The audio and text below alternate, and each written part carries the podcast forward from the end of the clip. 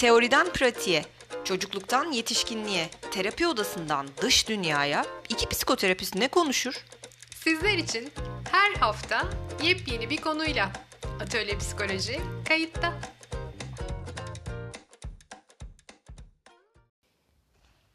Merhaba sevgili dinleyenler, merhaba Aslı'cığım. Merhaba Derya'cığım.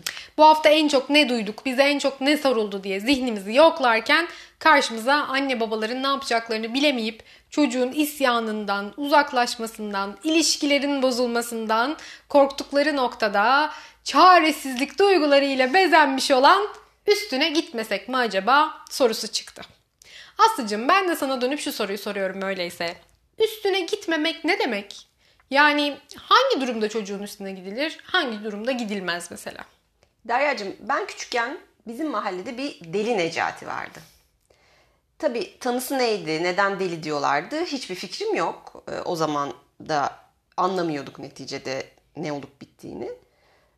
Ama böyle sokaklarda amaçsızca dolaşan, kendi kendine bazen etrafındakilerle çağrışımsal bir biçimde konuşan, böyle anlamlı bir biçimde değil.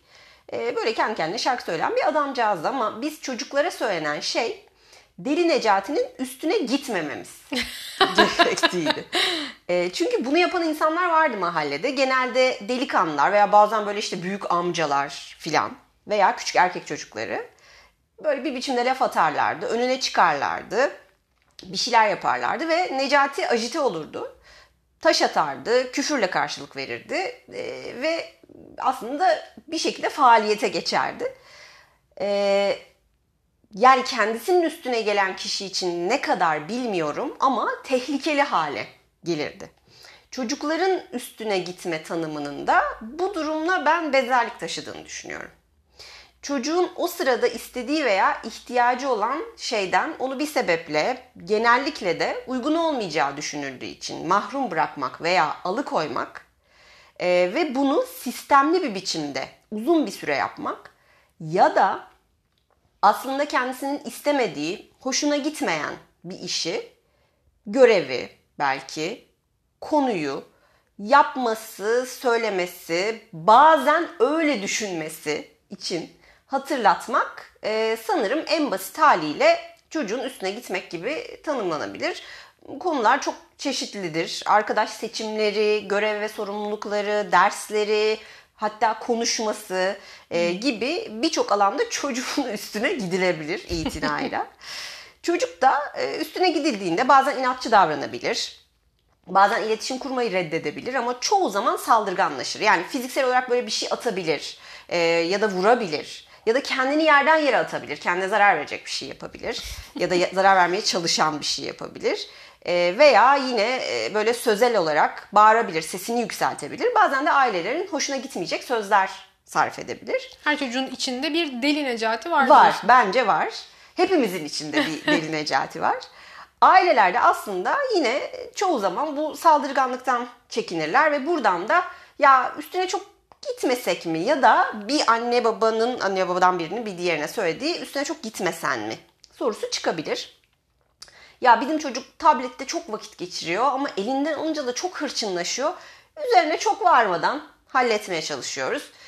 Bir şeyi istediğinde çok tutturuyor. Hayır deyince daha da dozu artıyor. O yüzden o zamanlarda çok üstüne gitmiyoruz. Ee, şimdi benim buralarda duyduğum alt metin şu. Ben çocuğumun saldırganlaşmasından korkuyorum. O yüzden de ona yapmam veya söylemem gereken şeyler konusunda bazen çekingen davranabiliyorum. Dolayısıyla benim aklıma gelen sorular da şunlar. Çocuğum saldırgan davranırsa ne olur?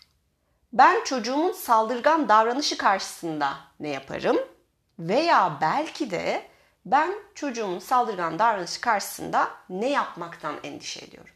Buraya tabii e, içimizdeki deli Necati'nin yanıt vermesi herhalde çok daha durumu açıklayıcı olur. Kesinlikle. E, üstüne gitme meselesinin içinde ısrar etme, çocuğun istemediği bir şey için bir şekilde çatışma var. Yani aslında kontrol karşı tarafta ama ben ısrarla yineliyorum, bağırıyorum, kızıyorum, tekrar tekrar söylüyorum her iki tarafın da sen beni anlamıyorsun galiba düşündüğü yer bence o üstüne gitme anı. Orası tam da öyle bir yer.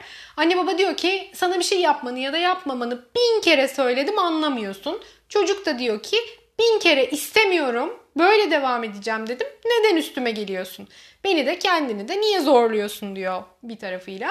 Bu noktadan sonra işler saldırganlaşıyormuş gibi gözüküyor ama aslında bir tarafın istemiyorum dediğini tekrar tekrar aynı biçimde söylemenin kendisi de bir çeşit saldırı değil mi sence de? Kesinlikle öyle. Tam da senin dediğin işte Necati örneğinde olduğu gibi Necati'ye kimse dokunmasa öylece yaşayıp gidecek belki etliye sütliye dokunmadan. Peki anne babalar ya çocuklarının o etliye sütliye dokunmayan hallerine tahammül edemediklerinde üstüne gitmeyeceklerse o zaman önce bıraksınlar mı? Öbür uca mı gidelim? Hı. Bu bir anne baba dileması bence. İki türlüsü de tabii ki can sıkıcı. Orada e, konu saydığın başlıklara geliyor bana göre. Tablet mi, işte arkadaş mı, yemek yemek ya da yememek mi, dersler mi? İşler bu ısrarlı noktaya gelene kadar neler yaptınız? Sınırları nasıl koydunuz? Nasıl korudunuz? Nasıl bir ilişki kurdunuz? Bunu hangi biçimde yaptınızsa bu işe yaramamış demek ki. Bu noktadan sonra yapılacak olan yeni bir şey denemek ve sistemi başkalaştırmak olabilir belki. Çünkü biliyoruz ki aynı şeyi defalarca tekrar edip farklı bir sonuç almayı beklemek bir yönüyle delilik. Ee, şimdi buradan senin sorduğun soruya gelecek olursak da çocuğun saldırganlığından anne baba neden korkar? Birincisi bence saldırganlık boyut atlayabilir. İşte defalarca söyledim. Denedim olmadı. Çocuk saldırıya geçti. Evi başımıza yıktı. Bu saatten sonra saldırının dozunu arttırmam gerekecek. Kendi öfkemden ve öfkemin vereceği zarardan korkuyor olabilirim. Bu şey gibi Yeşil Dev Halk var ya. Direkt. O da öyle bir öfke kontrol sorunu yaşayan bir arkadaşımız evet. Yani hani o, o saatten sonra iş nereye gelir belli değil. Rezillik çıkacak. Hı hı. O yüzden de tadımız kaçmasın. E, ikincisi çaresizlik boyut atlayabilir. Bu elimdeki en uç kozdu. Buna rağmen dediğimi yaptıramadım. Bu işin içerisinden böylece e, çıkamadık, çakılıp kaldık. Buradan çıkış yolumuzun kalmadığıyla yüzleşmek zorunda kalabilirim ve e, bu beni korkutuyor olabilir bir tarafıyla. Bu, çünkü bir taraftan da aslında bir çeşit e, yapamadığımın, beceremediğimin kanıtı olabilir benim için. Evet. Üçüncüsü de bu durum emsal teşkil edebilir. Bu bence çok kötü. Bu noktaya geldikten sonra otoritemi yitireceğim. Bundan sonra hiçbir söylediğimin hükmü kalmayacak. Dördüncüsü de saldırganlığın artışından sonra istediğim gerçekleşebilir ama artık çocuğumla ilişki bozulur. Benden uzaklaşıp başka birilerine yakınlaşmaya başlayabilir o e, en iyi haliyle işte benden uzaklaşıp babasına gitmesi en kötü haliyle dışarıda tanımadığımız, bilmediğimiz, onaylamadığımız birilerine gitmesi de olabilir. İlişkiyi kaybederim. Artık beni sevmeyebilir ya da işte ben sevgisizlik gibi onu yaşayabilirim. Konuştuğumuz bu çerçeveden bakınca üstüne gitmenin anlaşılır hiçbir yanı yok. Ama aynı ölçüde bırakınız öyle devam etsinler. Yeter ki sesi çıkmasın demenin de tabii ki anlaşılır bir e, yanı yok. Bu bana kalırsa bir şekilde çünkü çocuğundan vazgeçmek demek. Şimdi çatışma çoğu insan için gerçekten de baş etmesi çok zor bir durum. Ee, yani bunun bir sürü sebebi var elbette. Herkes için farklı farklı olabilecek. Bu nedenle de e, işte az önce senin de dediğin gibi aman ağzımızın tadı bozulmasın Ali Rıza Bey mottosundan hareketle görmezden gelme veya kendi kendine geçmesini bekleme veya senin de dediğin gibi aynı yöntemde ısrarcı olma çok net bir biçimde benim bir erişkin olarak çatışmaya karşı tutumumu veya çatışma çözme becerilerimi gözden geçirmem gerektiği mesajını veriyor bana kalırsa. Bu yani bir yöntem olarak görmezden gelme veya kendi haline bırakma ancak çocuğun davranışı eğer görünen amacının dışında bir şey ifade ediyorsa işe yarayabilir. Yani nasıl neden bahsediyorum nasıl bir şey? Ee, örneğin küfür etmek çocukların yaklaşık işte 4-5 yaş civarında öğrenebildiği ve e, etrafındaki erişkinlere bu yöntemle küçük çapta bir kalp krizi geçirtebileceklerini fark ettikleri bir davranış. Ben e, bir erişkin olarak işte çocuğun hayatındaki önemli erişkin olarak bir kez çocuk bunu söylediğinde e, bunun e, uygun olmayan bir kelime olduğunu ve neden uygun olmadığını çocuğa basit bir dinle anlattıktan sonra artık bu kelimenin kullanıldığı zamanlarda hiç duymamış, o hiç söylenmemiş gibi davrandığımda bir süre sonra o kalp krizi etkisini yaratamadığı için bundan bunu fark edip vazgeçmesi çocuğun çok kuvvetle muhtemel. Çünkü e, aslında hep söylediğimiz gibi seyircisiz tiyatro olmaz. Davranışın gerçek amacının böyle küfretmek e, değil, anne babayı şoka uğratmak. e, ve bunu yapabilme gücünü fark etmek aslında yine o yaş çocuğu için olduğunu anladığımda meseleyi de çözmüş oluyorum burada. Ama bu saatlerce bilgisayar oyunu oynayan bir çocuk için yapabileceğim bir şey veya kullanabileceğim bir yöntem değil olamaz.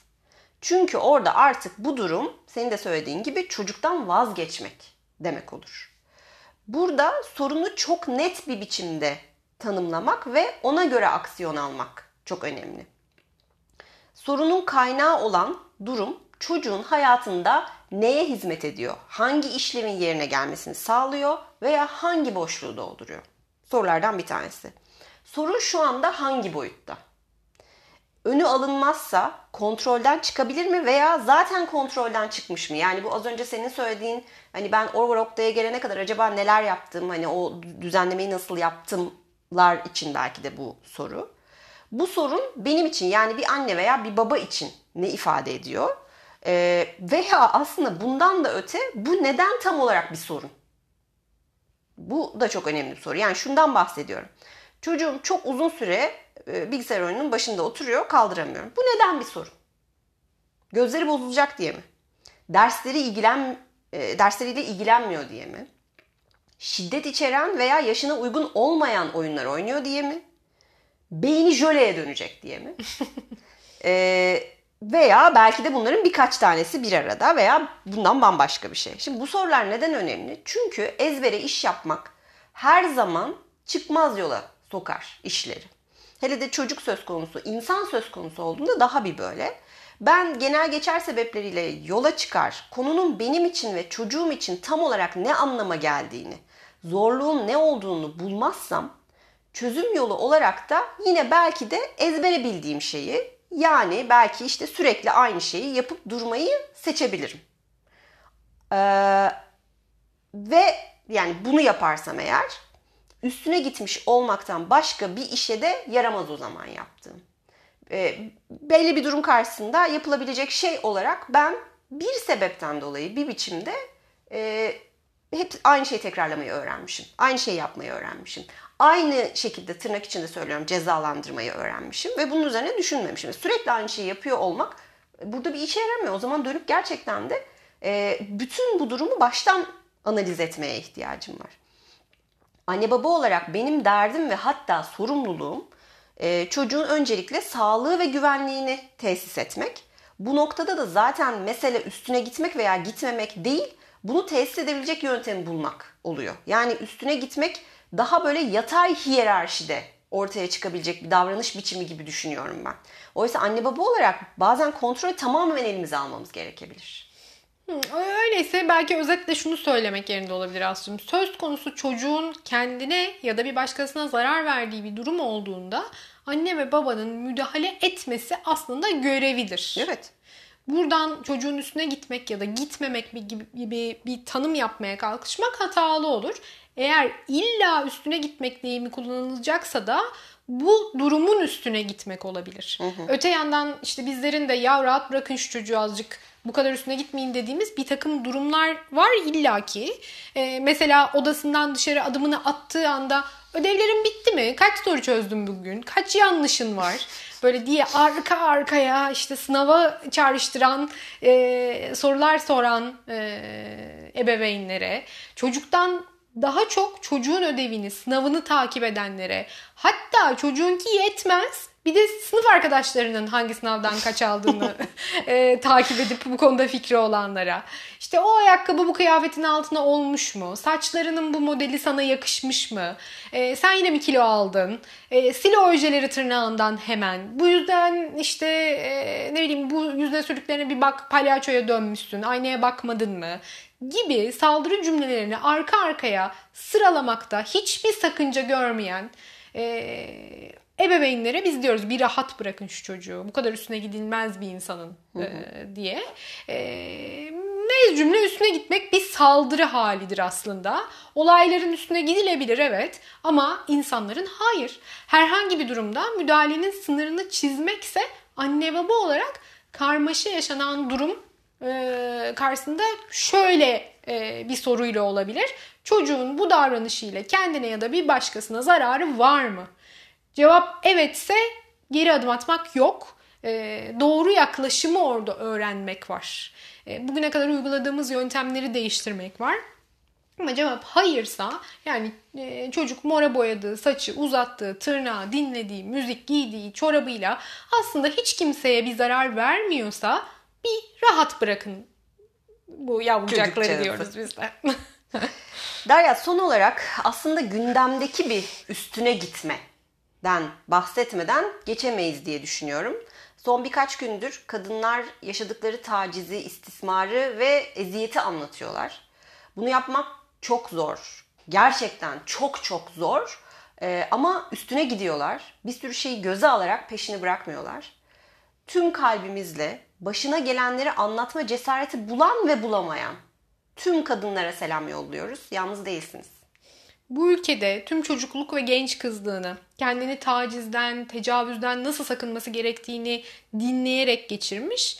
Aman tenhada kalma, aman akşam ezanı okunduğunda eve gelmiş ol denerek büyümüş her kadın uğradığı ve uğrayabileceği saldırıların imgeleriyle aslında büyüyorlar. Hiçbirimiz yalnız değiliz. Birlikte sanıldığından çok daha güçlüyüz. Haftaya görüşmek üzere. Görüşmek üzere, hoşçakalın.